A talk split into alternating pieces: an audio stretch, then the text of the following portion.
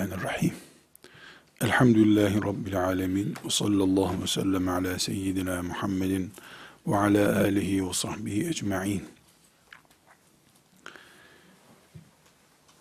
Alimle ilgili yoğun konuşmalar, işte alimler, müştehitler, ilim adamları gibi ifadeler, bir noktadan sonra Peki nerede? Kim? Hani? Sorularını beraberinde getirebilir. Çünkü mevcut yaşadığımız hayat tarzının içinde ideal olarak zikrettiğimiz modeller örnekleri zikredilmediği zaman bir varmış bir yokmuş zamanın birinde şu çapta adamlar olurmuş muş ifadeleriyle bir tür uçuk hayallere dönüşebilir. Bu sebeple bizim insan modeli içerisinde ahlakta filanca insan ideal işte. Şecaatte filanca insan ideal. Cömertlikte öbürü ideal örnek diye elle tutulur, gözle görülür bir örnek ortaya çıkarma ihtiyacımız olduğu gibi alim kavramının içini doldurmuş, izleyebileceğimiz, takip edebileceğimiz bir profil de öne çıkarmamız gerekiyor. Bunun için hepimizin çok iyi bildiği bir ismi Ebu Hanife rahmetullahi aleyhi bu ümmetin alim adam örneği olarak zikretmek istiyorum. Buradaki maksadımız alim olmanın içi doldurulabilir bir iş olduğunu ve bunu Ebu Hanife'nin doldurduğunu, buna on asırdan fazla bir zamanda bütün ümmetin şahit olduğunu, özellikle çalışmanın bir sonuç getireceğini örneklendirmek için Ebu Hanife isminden zikrediyorum. Yoksa İbn Abbas'ı zikretseydik, İbn Mes'ud'u zikretseydik, şöyle bir sonuç çıkabilirdi. Ya ben de peygamberin elini öpsem, herhalde ben de bir şeyler olurdum gibi. Yani sahabinin e, tebcil edilen, büyük görülen bir bölümü var. Peygamber aleyhisselam efendimizin mübarek elini öpmüş olmak, önünde diz çökmüş olmak, taş bile olsa nihayetinde etki ederdi sana herhalde. Ağaçlar bile etkilendi zaten dedirtebilir ki esasen öyle değil. Yani İbn Mesud gibi 120 bin kişi yok. 120 bin sahabinin içinde bir tane İbn Mesud var. Bir tane İbni Ömer var. Ve bunlar 500 kişi değiller. Yani aslında alimler örneğini ashab-ı kiramın içinden de alsak İbni Ömer farklı çıkacak ortaya. Ama her halükarda sahabeden değil, hepimizin çok iyi bildiği ibadetimizden, muamelatımızdan, ev kültürümüze kadar her yerde izi bulunan bir alimi incelemek istiyorum. Maksadımız alim kavramının hayali bir kavram olmadığı, bugün bir gencin 17 e, yaşından sonra özellikle vurguluyorum 17 yaşından sonra yola çıkması halinde ümmeti Muhammed'in onu 10 asır sonra zirve bir şahsiyet olarak anmasının mümkün olduğunu özellikle hocam çünkü Ebu Hanife babasının kumaşlarını satıyordu. 17 yaşındayken Şabi, tabiinden Şabi rahmetullahi aleyh, Ebu Hanife'ye oğlum bu işlerle ne meşgul oluyorsun? Bunları baban yapsın sen gel ilimle meşgul ol dedikten sonra yola çıktı. 17 yaşında yola çıktı. E 80 e, sene devam etmedi bu yolculuğu. 70 yaşında vefat etti. E, dolayısıyla yani 20 senesini yaklaşık çıkarırsanız bütün Ebu Hanifelik maratonu bir 50 sene sürdü. Bu 50 senenin sonunda bütün dünyanın biraz sonra zikredeceğimiz e, özellikleriyle kutbu oldu. Bu Ebu Hanife'nin çağı şöyle bereketliydi, böyle bereketliydi. İşte tabiinden birini gördü. Haydi bunların hepsini de kılıflandıralım. İnşallah onu da bir ders olarak zikredeceğim. Abdülfettah Ebu Gudde rahmetullahi aleyh Haleplidir. 90'lı yıllarda vefat etti. Yani vefatın üzerinden 20 sene geçmedi henüz. O da bir alim. O da o da tesadüf müdür? Allah'ın hikmeti. 17 yaşına kadar o da babasının yanında meşgul. Ticaretle meşgulmüş. Mahalle imamı ben bizzat kendisinden dinlediğim şeyi söylüyorum. Babası ne demiş? Bu çocuğu boş ver demiş ya. Başkası para kazansın. Bunu ben okutayım demiş. O da 17 yaşındayken elif cüzünden başlamış. 17 yaşındayken. Yani Ebu Gudde rahmetullahi aleyh ilmin zirvesinde bir adam. Çağının en iyi hadis alimlerinden birisi. Dirayet alemi. Ee, yani 17 yaşında e, şimdi 17 yaşını niye zikrediyorum? Profil olarak kullandığımız adamların yaşı 17. 17 yaşında yola çıkan birisinin 70 e, yaşına geldiğinde ümmeti Muhammed'in ufkunu dolduran büyük bir umut olması mümkündür. Hayal konuşmuyoruz. Allah bizi bir hayal peşinde koşturtmuyor. Peygamberi miras bıraktı ilmi. Bu miras hayal bir miras değil, realitedir. Ebu Hanife bunu elde etmiştir. Ümmeti Muhammed buna şahittir. Ebu Hanife'yi veya herhangi bir alemi, siyasetçiyi, mütefekkiri, bir insanı tahlil ederken çağını bilmek gerekir. Hangi çağda yaşamış? Mesela 21. yüzyılın ortasında bir insan tekerleği keşfetse, bir şey keşfetmiş olmaz. Bunu arabanın olmadığı bir zamanda ortaya çıkarana keşfetti denir. Bu nedenle insanları değerlendirirken yaşadıkları çağı, ortamı değerlendirmek lazım. Ebu Hanife'yi tanıyabilmek için Emeviliği ve Abbasiliği bilmek gerekiyor. Emevileri, Abbasileri bilmeyen, ilim adamı olarak Ebu Hanife'yi tanıyamaz. Çünkü neden? Abbasilikte, Emevilikte, ilim adamlarına yön veren bir akımın adı. Mesela Ebu Hanife'nin ağırlığını tanıyabilmek için Ebu Hanife'nin döneminde bulunan fikir akımlarını, mezhepleri bilmek gerekir. Bu sebeple biz Ebu Hanife rahmetullahi aleyhi zikrederken e, yaşadığı, doğduğu yeri ve zamanı bilerek ortaya çıkacağız. Ebu Hanife Irak asıllıdır. Irak'ta da Küfelidir. Irak ve Küfe ümmeti Muhammed'in elinde hassas tarihi olan noktalardan birisidir. Biz Küfe'yi şu anda Amerikan işgalinden sonraki katliamlar nedeniyle biliyoruz. Ama Küfe'nin en bariz özelliği Ömer bin Hattab radıyallahu anh'ın kendi eliyle kurduğu bir şehir olmasıdır. Planlamasına, şehir planlamasına varıncaya kadar Ömer bin Hattab'ın eliyle kurulmuştur.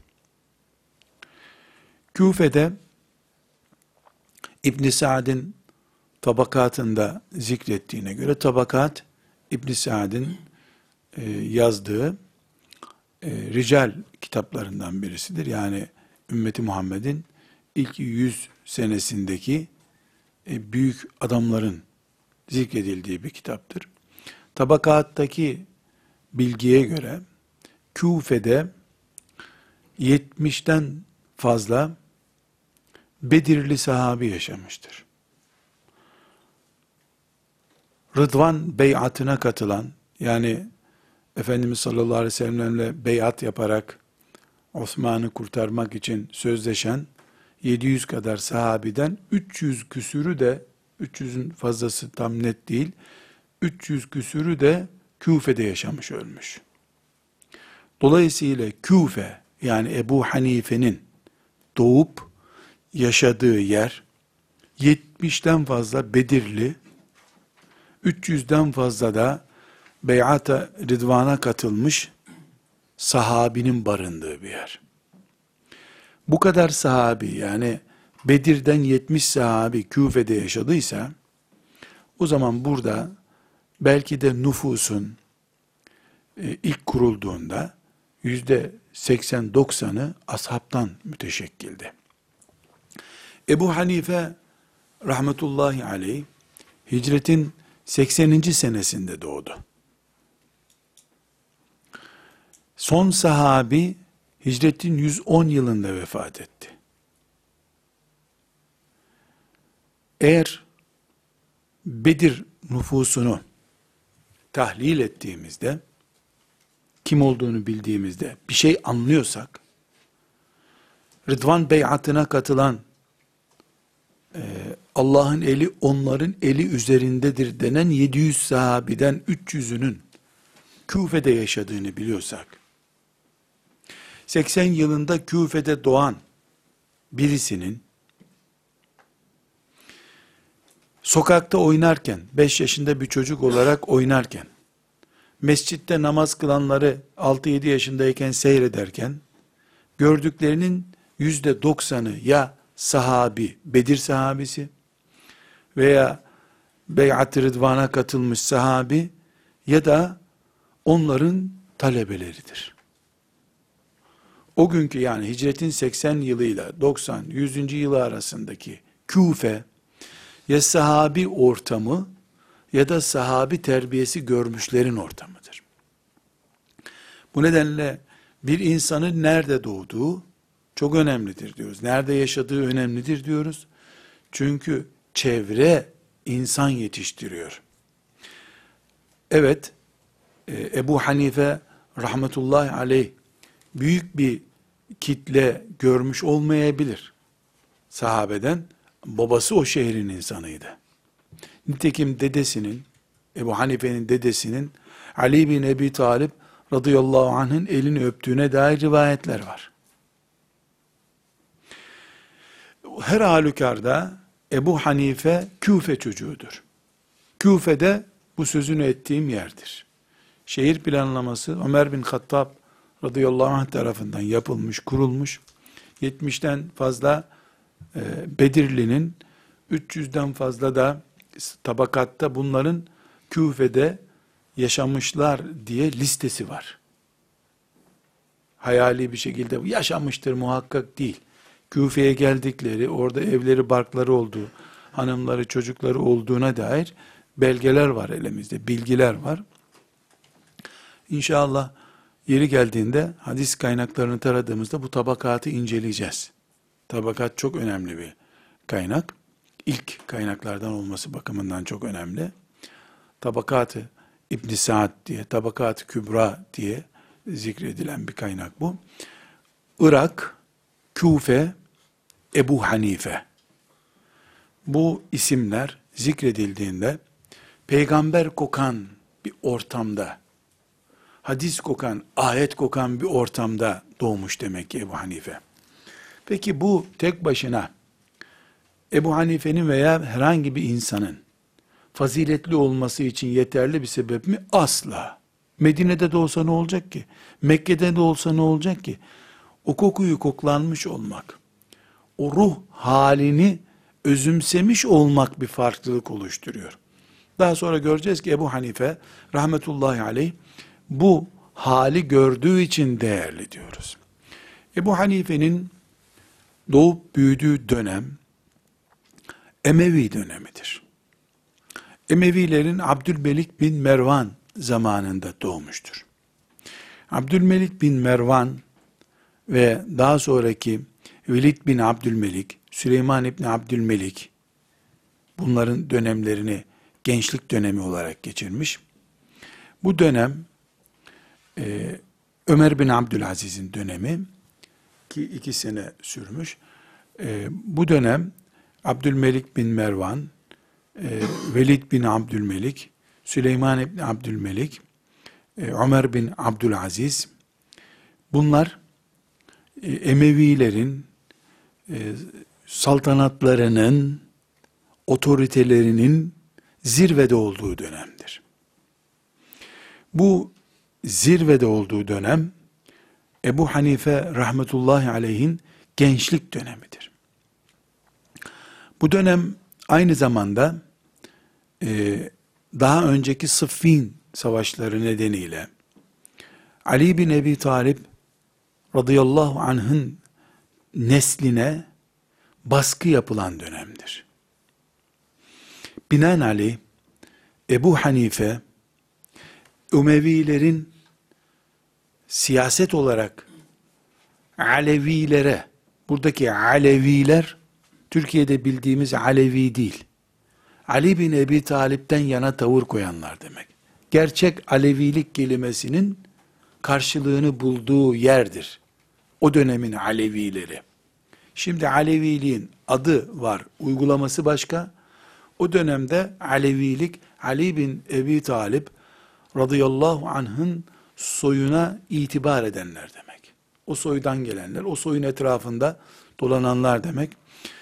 Ee, Ebu Hanife rahmetullahi aleyh e, Emevilerin bu kelimenin aslı Umeviliktir arkadaşlar. Bunu telaffuz edersem başka bir kabileyi zikrettiğim gibi anlaşılacak. Türkçe'ye Emevi e, geçmiş. Mesela Endülüs'tür kelimenin aslı. Türkçe'ye Endelüs olarak yerleşmiş. Mecburen yani e, yaygın hata e, kitaplardaki düzgünden daha muteber kabul edildiğinden Endelüs diyoruz. Aslı Endülüs'tür.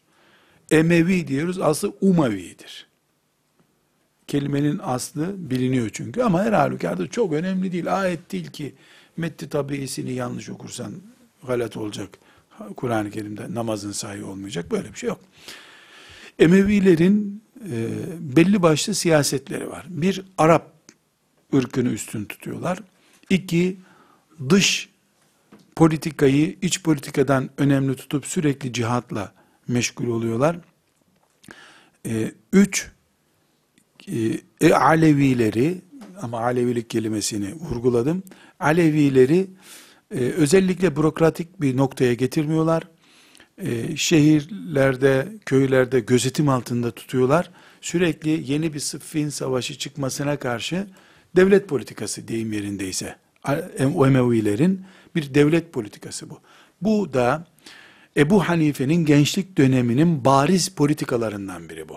Yani Ebu Hanife devlet mefhumunu tanıdığında, halifeyi tanıdığında, ümmeti Muhammed'in siyasetini 25 yaşında bir genç olarak tanıdığında, tabiilerin dizinin dibinde oturup konuştuğunda, mesela Enes İbni Malik'i gördüğüne dair rivayetler var. Yani ya çok yaşlı sahabileri gördüğünü, ellerini öptüğüne dair rivayetler. Bu el öpmesini daha sonra bir soru oluşturmasın diye e, izah edeyim bir dipnot olarak. Yani elini uzattı, öptü şeklinde zikretmiyorum. Elini öpmek yani ona tazim edip karşısında talebe gibi oturmak manasında mecazi bir manada kullanıyorum. İhtimal elini de öpmüşlerdir. Çünkü e, fıkhen caiz olduğu halde, ashab-ı kiram Efendimizin elini öptüğüne dair rivayetler bulunduğu halde birileri el öpmek caiz mi değil mi diye bir sürü bundan bir anlam çıkaracak. Bizim örfümüzde el öpmek, küçüğün büyüğün önünde saygısı manasına mecazi bir ifade ediliyor. Yoksa illa el öpmek anlamında değil. Adamın elini öptü. Önünde diz çöktü diyoruz. İlla diz çöktü değil. Ceketini düğmeleyip buyurun efendim dediyse bunu da Türkçemizde biz mecaz olarak önünde diz çökmek olarak yani büyüklüğünü kabul etmek, saygınlığını kabul etmek olarak e, yorumluyoruz. Emevilerin e, bu Alevi politikası daha sonra e, Ebu Hanife'nin Şii olduğuna dair, Şiilik etkisi altında kaldığına dair yorumlanacaktır. E, bunun temel nedeni e, Ebu Hanife'nin e, Emevilerin Alevi politikasını beğenmeyişi, e, daha sonra Abbasi devletinin kurulması için gerekli örgütlenmeye para yardımı yapmasının nedenidir. Ebu Hanife, inşallah konuşacağız. Ebu Hanife alim mi alim, örgütçü mü örgütçü, organizatör biri. E, talebelerinin bu konudaki nakilleri var. Herkes onu ders okutuyor zannediyor. O Emevilere karşı e, bir isyanı organize eden teşkilata yardım ediyor. Yön veriyor. E, özellikle Ebu Hanife'yi örnek şablon bir alim olarak zikrediş nedenim budur. Tekkesine kapanan, sadece kitaplarını okuyup yazan, talebelerini ders okutan, sonra da torunlarını seven bir adam değil. Torunlarını da seven, her şeyi yapan ama bugün bizim siyasi konular dediğimiz işlerle de ilgilenen, ekonomik konular dediğimiz işlerle de ilgilenen ve okuttuğu talebelerinin her türlü bursunu karşılayan bir adam. Talebelerini kimseye muhtaç etmeyen bir adam. Ebu Yusuf'tan nakil yapacağız. Ee, yani bunu nasıl yapmış diye. Her halükarda Emeviler dönemi, Ebu Hanife'nin e, yetişme dönemi, ömrünün büyük bölümünün dönemidir. Abdülmelik bin Mervan'ı özellikle zikrettim. Onun dönemi çünkü 20 yıllık Abdülmelik bin Mervan dönemi e, aynı zamanda e, Velid bin Abdülmelik, Süleyman bin Abdülmelik bu üçünün dönemi e, Haccac ağırlığının Haccac İbni Yusuf Es-Sakafi'nin Türkçemizde Haccac zalim diye bilinen Haccac döneminin ayyukta olduğu dönemdir. Ee, özellikle Süleyman İbni Abdülmelik döneminde yok ama yani o dönem hala Haccac'ın ağırlığının devam ettiği bir dönemdir. Binaenaleyh Ebu Hanife siyasi zulmün ne demek olduğunu çok iyi biliyor. Ebu Hanife bir e, adil sultanla zalim sultanın nasıl olabileceğini çok iyi biliyor. Sahabe görmüş, Haccac'ın parmak izlerini görmüş. Bu Abdülmelik bin Mervan döneminde doğdu dememizin e, asıl nedenidir. İlk Abbas halifesi Ebu Cafer el-Mansur ihtilal yapıp e, ihtilal kelimesi özellikle yerinde bir deyim ihtilal yapıp Emevilere karşı Abbasi devletini kurmuştur. Emevi Kureyş'in bir koludur. Abbasilik de Kureyş'in bir koludur. Ee, Emevilik Osman İbni Affan radıyallahu anh'ın e, kabilesine dayanıyor. Abbasilik de Efendimizin sallallahu aleyhi ve sellem amcası Abbas İbni Abdülmuttalib'in soyuna dayanıyor. Esasen hem Emevilik hem e, Abbasilik Kureyş soyunun devamıdır. E, hadis-i şeriflerde Kureyş olsun başınızdakiler diye tembih ettiği için Emeviler de Abbasiler de bir nebze Kureyş soyunu devam ettirdiklerinden e, Müslüman toplum içerisinde aradıkları otoriteyi bulmuşlardır. Arkalarında deyim yerinde ise Kureyş ağırlığı vardı. Bu nedenle Abbasilikte, Emevilikte ümmeti Muhammed'in e, Raşid halifeler döneminden sonraki bu Raşid halifeleri parantez içinde söyleyeyim. Bundan sonra ders olarak Raşid halifelik kavramını konuşacağız. Çünkü Raşid halifeliğin ilimde, dinde, hadiste parmak izi var. Etkisi var. Peygamber onaylı aleyhissalatü vesselam uygulamaları var. Bunu da özellikle bir ilim e, merkezi olarak tanımamız gerekiyor. Ebu Cafer el-Mansur ihtilalle Şam'daki Abbasilik, e, Emevilik devletini yıkıp Bağdat'ta onun yerine devlet kuran şahsın adıdır. Ebu Cafer el-Mansur Abbasilik e, çıkarken, yola çıkarken çok enteresan Alevilere zulmediyorsunuz. E, Ali bin Ebi Talib'in çocuklarını eziyorsunuz. Dolayısıyla siz adil değilsiniz. Sizin e, yaptığınız zulümdür. Biz adaletli bir devlet kuracağız diye yola çıktılar. Ebu Hanife 150'de vefat etti. Hicret rakamlarını konuşuyorum tabi. 150'de vefat ederken Ebu Hanife rahmetullahi aleyh Abbasi devleti kurulmuştu ama uzun yıllar geçmemişti. Yani Abbasi devletinin ilk deyim yerindeyse ilk 10 dilimini e, Ebu Hanife gördü. Fakat Ebu Hanife rahmetullahi aleyh Abbasi devletinin çıkarkenki maksadının gerçekleşmediğini de gördü. Yani Emeviler e, Alevilere zulmediyor. Dolayısıyla bu zulüm reva değildir. E, onun yerine adil bir devlet kurulmalıdır dedi. Abbasiler çıkar çıkmaz kim kimi kurtarmak için çıktılarsa onlarla savaşmaya başladılar. Çünkü kabile anlayışı bir şahsın isminin İslam'dan değerli hale getirilmesi.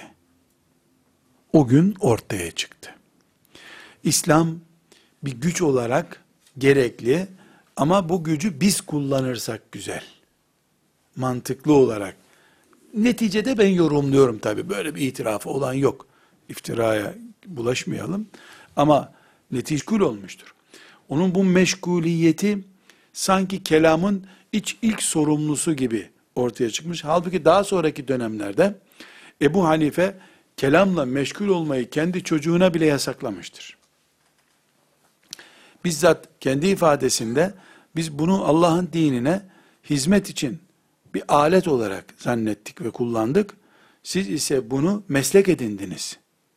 Bununla meşgul olmayın demiştir. Çocuğuna yasaklamış, talebelerini bununla meşgul etmemiştir. Ebu Hanife'nin Küfe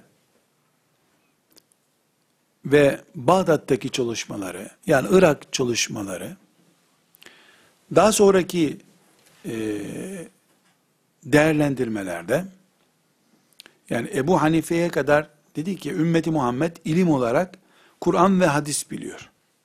Ebu Hanife'den sonra ise hicretin 100. senesinden sonra bakıyoruz ki ilim adamları ikiye tasnif ediliyor.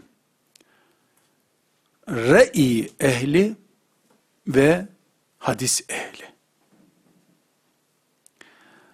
Ya da nakilciler ve akılcılar diye tercüme de edebiliriz bunu.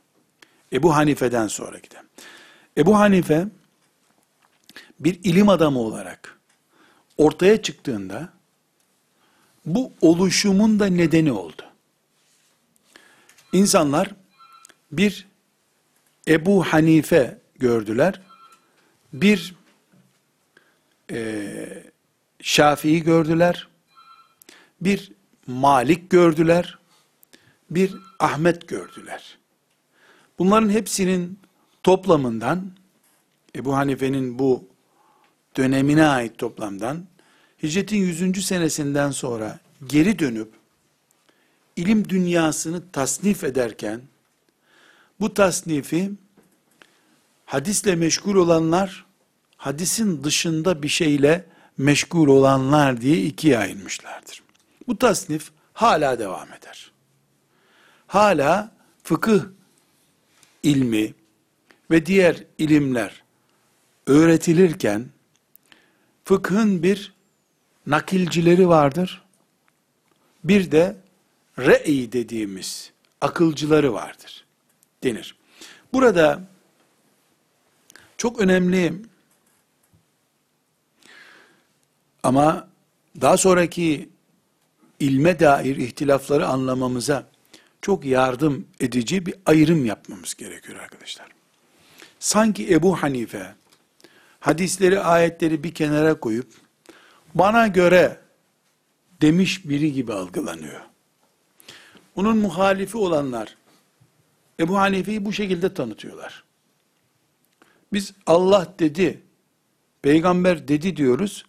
Ebu Hanife de bana göre diye cevap veriyor. Şeklinde Ebu Hanife'yi itham ediyorlar. Bu çok önemli bir nokta. Ebu Hanife ne hadis ne de ayeti hafife alan biri değildir. Ama altını çizmeliyiz bunun. Ebu Hanife daha iyi Kur'an anlamak için, daha iyi hadis anlamak için böyle bir ithama bile razı olmuştur. Mesele budur. Ve bu ümmeti Muhammed'in ödediği bir bedeldir.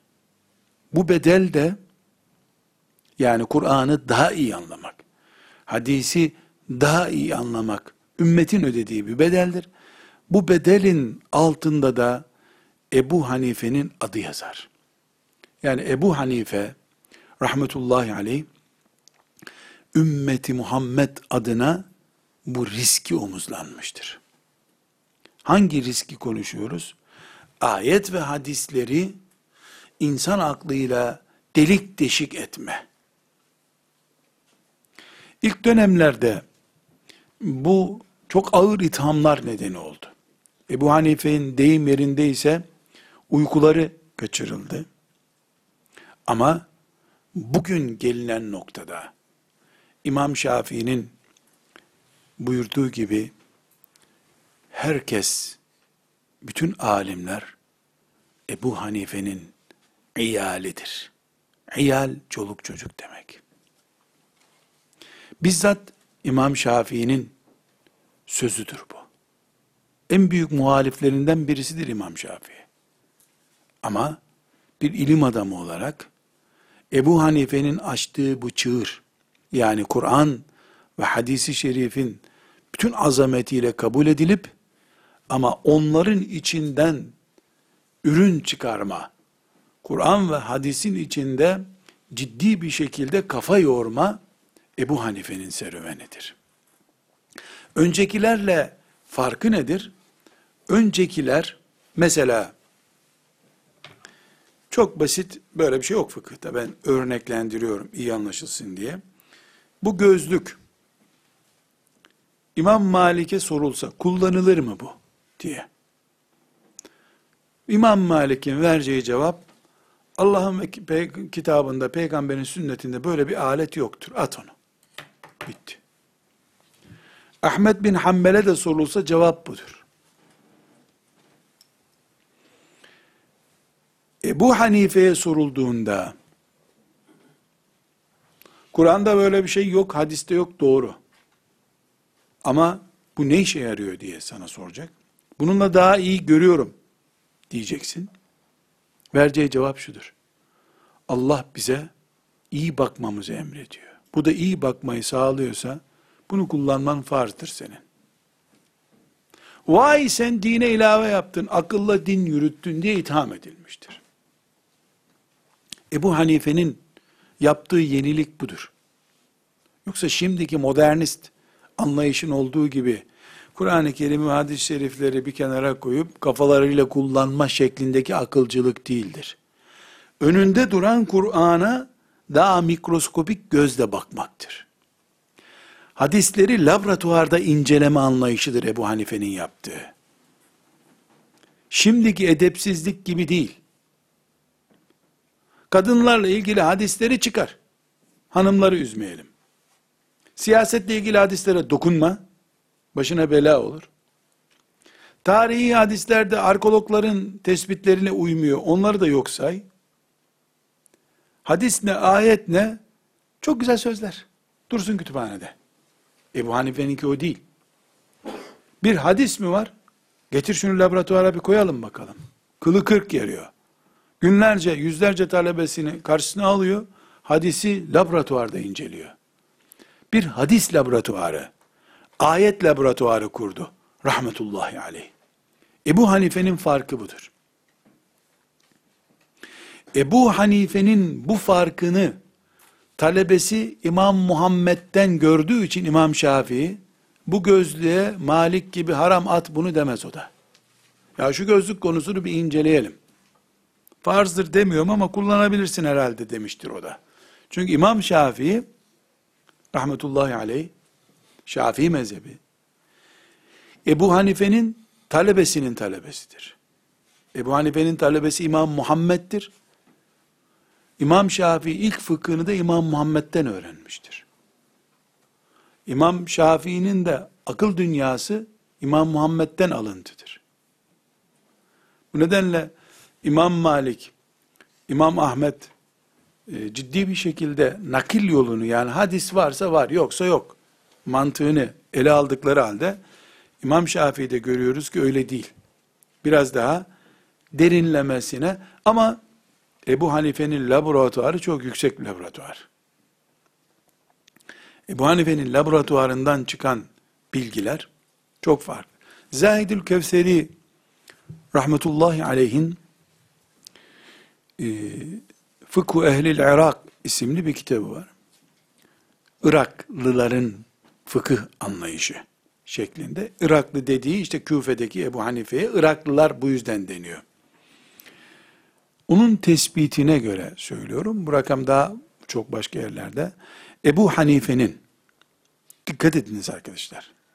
55 kere de hac yapmış Ebu Hanife. Yani 55 kere hac yapmış. Basra'dan Bağdat'a, Küfe'ye bir sürü yerlere de ilmi ziyaretler yapmış. Talebeleriyle oturup şu mesele hakkında ne diyorsunuz diye ilmi platform kurup bu meselede ben şöyle düşünüyorum, ben böyle düşünüyorum filan ayeti böyle anlıyorum diye demin ki gözlük örneğimi iyi algılayınız mesela. Bir gözlük konusu gibi konuyu. Bu şekilde tartışıp karara bağladığı 83 bin mesele varmış. Arkadaşlar 83 bin oturum demek bu. Bu insanın ömrü belli 70 sene. 80'de doğdu, 150'de vefat etti. İki, kökten Arap değil. Arapçayı sonradan geliştirdi. Muhalifleri de zaten talebelik döneminde nahiv hataları yapıyordu diyorlar. Büyük şey yakalamışlar. Nahiv hatası yapmış. Çünkü Arap değil. Sonradan Arapçayı öğrenmiş. Bu ticaretle meşgul 17 yaşında ilim yoluna çıkmış. Hammad'ın talebesi. Yani bir tabiinin dizinin dibinde yetişmiş bir alim. 83 bin mesele. 83 bin mesele her birine birer dakika harcadığını kabul edin. Ve bu insanlar gece çalışamıyorlar. Karanlık çünkü. Ve Ebu Hanife oturup da akşamları arkadaşlarıyla çay içen bir insan değil. Gece ibadeti olan bir adam. Alimden söz ediyoruz. Ve hayalden söz etmiyorum. Realiteden konuşuyoruz. Bir sahabi de değil, Arap da değil, Kabul'dan dedeleri gelmiş, Küfe'ye yerleşmişler. Orada Arapça öğrenmiş. Belki de anası hala Farisi konuşuyordu onun yanında. Yetişmiş. Zahidül Kevseri'nin rahmetullahi aleyh tespitine göre 83 bin ilmi mesele konuşmuş talebeleriyle. Burada küçük bir ayrıntıya gelelim kul hakkı olmasın. 83 bin mesele konuşmuş. Kitaplarda bu kadarı var. Konuştuğup da e, tutulan notların kaybolduğunu da düşünün. Bu bereket olarak adlandırılabilir. Allah'ın bir lütfu olarak adlandırılabilir. Ama her şeyden önce dinine ve ilme nasıl sarıldığını adlandırıyor bu. Kendisini dinine nasıl feda etmiş? İlmin hangi gözle görmüş? Bu bunun adıdır. İlme bakan gözlüğü bunun bu. Ebu Hanife sık sık diyoruz. Şimdi aklıma geldi. Ebu Hanife Hanife'nin babası demek. Aslında Ebu Hanife diye bir çocuğu yok. Ebu Hanife mecazi bir adlandırmadır. Hanife Irak kültüründe yazı yazılan kaleme, kalemin konduğu mürekkep kutusunun adıdır. Yazı aletlerinden birinin adıdır. Ebu Hanife çok not tutan bir talebeymiş zamanında e, bizde hani benzetelim de var aramızdaki fark ortaya çıksın. Çok çalışan talebe inekliyorsun diyorlar ya arkadaşlara. Ona da ikide bir kalemi alıyor, mürekkep yapıyor, not tutuyor diye Ebu Hanife demişler. O şekilde adı kalmış zavallının. Asıl adı En-Nu'man İbni Sabit Er-Rudi'dir. En-Nu'man İbni Sabit. Böyle bir, ama Nu'man İbni Sabit desem rahmetullahi aleyh bile demez kimse bugün yaşayan biri zannedilir. Ebu Hanife diye meşhur olmuş. İşte çok ineklediği için bizim deyimlerimizle ona da o ismi vermişler. O şekilde kalmış. Yani hiçbir eksiklik değil, fazlalık değil şüphesiz. Ebu Hanife ile ilgili biz konuşmaya kalkarsak işimiz gücümüzü bırakıp senelerce Ebu Hanife konuşmak lazım. Ee, Seraksi rahmetullahi aleyh Ebu Hanife'nin fıkhını bir zindan şartlarında toparlamaya çalışmış. Ölürüm de talebelerime notlarım gitmez diye El Mebsut isimli e, eserini hazırlamış 30 cilttir. Ebu Hanife'nin notlarının tutulmuş 30 cilt ortaya çıkmış. Biz herhalde 30 ders yapsak onu özetleyemeyiz. Rahmetullahi aleyh. Ama e, putlaştırmadan, Ebu Hanife'ye iman etme seviyesine getirmeden ve Ebu Hanife var başkası yok terbiyesizliği yapmadan Ebu Hanife'yi Resulullah sallallahu aleyhi ve sellemin ilminin varisi binlerceden bir tanesi olarak sadece adını iyi tanıdığımız için bir örnek olarak gördüğümüz bir şahsiyet diye zikrediyorum. Yoksa Ebu Hanife tek değil, put değil ve ona iman etmiyoruz. Her sözü de vallahi billahi doğru değildir. Her sözü sadece Resulullah'ın doğrudur. Ebu Hanife alimdir, müçtehittir. Müctehit, peygamber demek değil, iştihad eden demek. İştihad etmek, kanaat kullanmak demek. Adı üstünde kanaat zaten. Ama Ebu Hanife bir ilahiyat fakültesi hocası da değil. Cami imamı da değil. Laik ülkenin tasdiklediği diplomalı bir hoca da değil. Ebu Hanife bu ümmeti Muhammed'in onurudur. Büyük şahsiyetidir. Bu şekilde ele alıyoruz. Ebu Hanife'nin üzerinde notlar zikredelim, hızlı geçelim istiyorum. Birinci notumuz, Ebu Hanife rahmetullahi aleyhin akidesi, Şii akidesi değildir. Asla değildir. Birileri, işte Şia ile yaklaşacak en iyi mezhep Hanefi mezhebidir. Diyorlar ya, Türkiye ile İran yaklaştığı için bunu benzetiyorlardır herhalde. Toprakların imanı olmaz. Türkiye sanki Hanefi mi baştan sona gibi. Bu benzetme cahilce bir şeydir. Biraz önce söyledim. Ebu Hanife'nin rahmetullahi aleyh Fatıma'nın çocuklarına sempatisi vardı. Bu her Müslümanın olması gereken bir şeydir. Müslüman olup da Fatıma'nın çocuklarını sevmemek diye bir şey olur mu?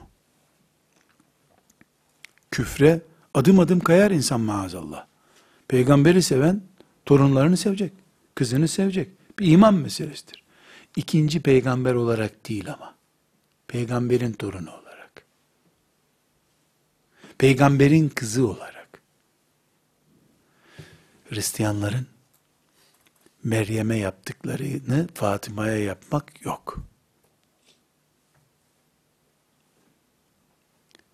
Hristiyanların İsa'ya yaptığını Hüseyin'e yapmak yok. Peygamberden yukarı çıkardığın zaman bunun adı şirktir. Peygamberin torunu, başının tacı, gözünün sürmesi. Fatıma, Hüseyin, bir de küçük bir notum olsun, Hasan da. Hasan da.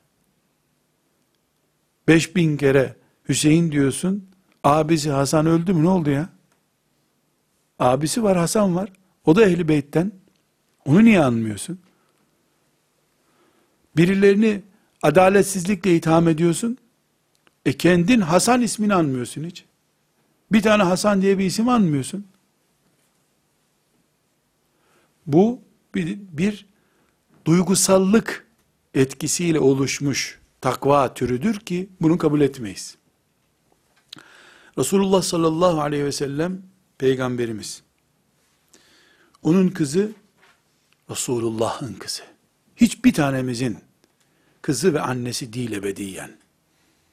Resulullah'ın kızı başımızın tacı ama peygamber değil. Peygamberden değerli değil. Hüseyin ve Hasan radıyallahu anhuma peygamberimizin torunları seviyoruz. Onların çocuklarını seviyoruz. Ehli beyti seviyoruz. O sülaleyi tebcil ediyoruz. Tazim ediyoruz. Ağzındaki sigarayla değil ama. Ağzında sigara, elinde iskambil kağıdı ehli beytmiş, seyitmiş, alimallah tekmelerim. Peygamberimin yüz karası diye tekmelerim. Linç ederim. Yok öyle bir şey. Ehli beytin azametini taşıyan ehli beytin kapısında paspasız. Hizmetçileriyiz. Ama o ismi kullanıp köyün kahvesinde kağıt oynuyorsan sana Allah hak ettiğini versin derim. Senin yok olup gitmen ehli beytin yüz aklının kıyamete kadar devam etmesi için gerekli. Bize böyle beddua ederiz. Ebu Hanife'ye dönelim. Rahmetullahi bunlar dipnottu. Ebu Hanife'ye döndüğümüzde Ebu Hanife ehli beyte düşkündü. Ehli beyte ekonomik destek yaptı. Örgütlenmelerine yardım etti. Bu Ebu Hanife farkıdır. Şii değildi. Neden biliyoruz Şii olmadığını? Çünkü Şiiliğin en temel prensibi Ebu Bekir ve Ömer'i sevmemektir. Osman'a lanet etmektir. Ebu Hanife rahmetullahi aleyhin bütün talebeleri Ebu Hanife'den bu ümmetin büyüklerinin sırasını dizerken Ali dördüncüdür diye öğrendiler hep. Ebu Bekir bir, Ömer iki, Osman üç, Ali dördüncüdür diye bütün talebelerini ezberletti. Böylece Şiiler onu Şii kabul etmez zaten. Neden? Ali'yi dört dedin mi Şiilikte dinden çıktın sayılıyor. Dolayısıyla onlara göre Şii olmanın birinci şartı Ebu Bekir ve Ömer'i yok saymaktır. Böyle bir şey yok Ebu Hanife'de. Neden yok? Çünkü onlarca talebesi onun ondan tuttukları notlarda Ebu Bekir'in bir numara olduğunu belgelemişlerdir. Öyle olsaydı zaten yani talebelerinden böyle bir akım çıkardı. Talebeleri arasında bunu bir kereliğine kanaat olarak kullanan da yoktur. Ebu Hanife'den sonra da talebeleri arasında onun gibi ehli beyt düşkünlüğü de yoktur. İşler karıştı. Ehli beyt adıyla siyasete bulaştılar. Ee, çete hareketleri onların adına yürütüldü. Onlar bulaşmadı ama onların adına çete hareketleri yürütüldü. Haşhaşilik bile sıkışınca oraya dayandı. Fatimiler bir tür Yahudi devleti gibi tıpkı şimdi İsrail gibi kuruldular. Ehli Beyt adına bu işi yaptılar. Dolayısıyla daha sonraki dönemlerde Ebu Hanife'nin talebeleri, talebelerinin talebeleri ve uzantıları Ebu Hanife gibi saf bir ehli beyt göremedikleri için meydanda onun gösterdiği e, ince ölçüleri kullanmadılar. Ama Ebu Hanife'de henüz Hazreti Hüseyin'in torunları birinci elden yaşıyordu hala. Ve ciddi bir mağduriyetleri vardı. E, daha sonraki siyasi entrikalara bulaşanlar, biz ehl adına bunu yapıyoruz dediler, paraları ceplerine indirdiler ama. Koltuklara kendileri oturdular, ehl adına bunu yaptılar. Tıpkı Kemalizmin Türkiye'de e, sömürü aracı olarak kullanılıp, bir Kemal diye biri kullanılıyor ama Kemalizmden başkaları menfaatleniyor gibi. Ehli bu şekilde kullanan, bundan mini devletler kuran, çeteler kuran, işte haşhaşilikte olduğu gibi bir e, türemeler oldu. Dolayısıyla Ebu Hanife'nin talebeleri de biz de hocamız gibi Ehli Beyt'i şöyle şöyle koruyoruz deme ihtiyacı hissetmediler. Burada bir ara verelim. Daha sonraki diğer akımlarla Ebu Hanife'nin e, ne bağlantısı olduğunu konuşalım inşallah. Ve sallallahu aleyhi ve sellem ala seyyidina Muhammed ve ala alihi ve sahbihi ecma'in velhamdülillahi rabbil alemin. Oy! حبيب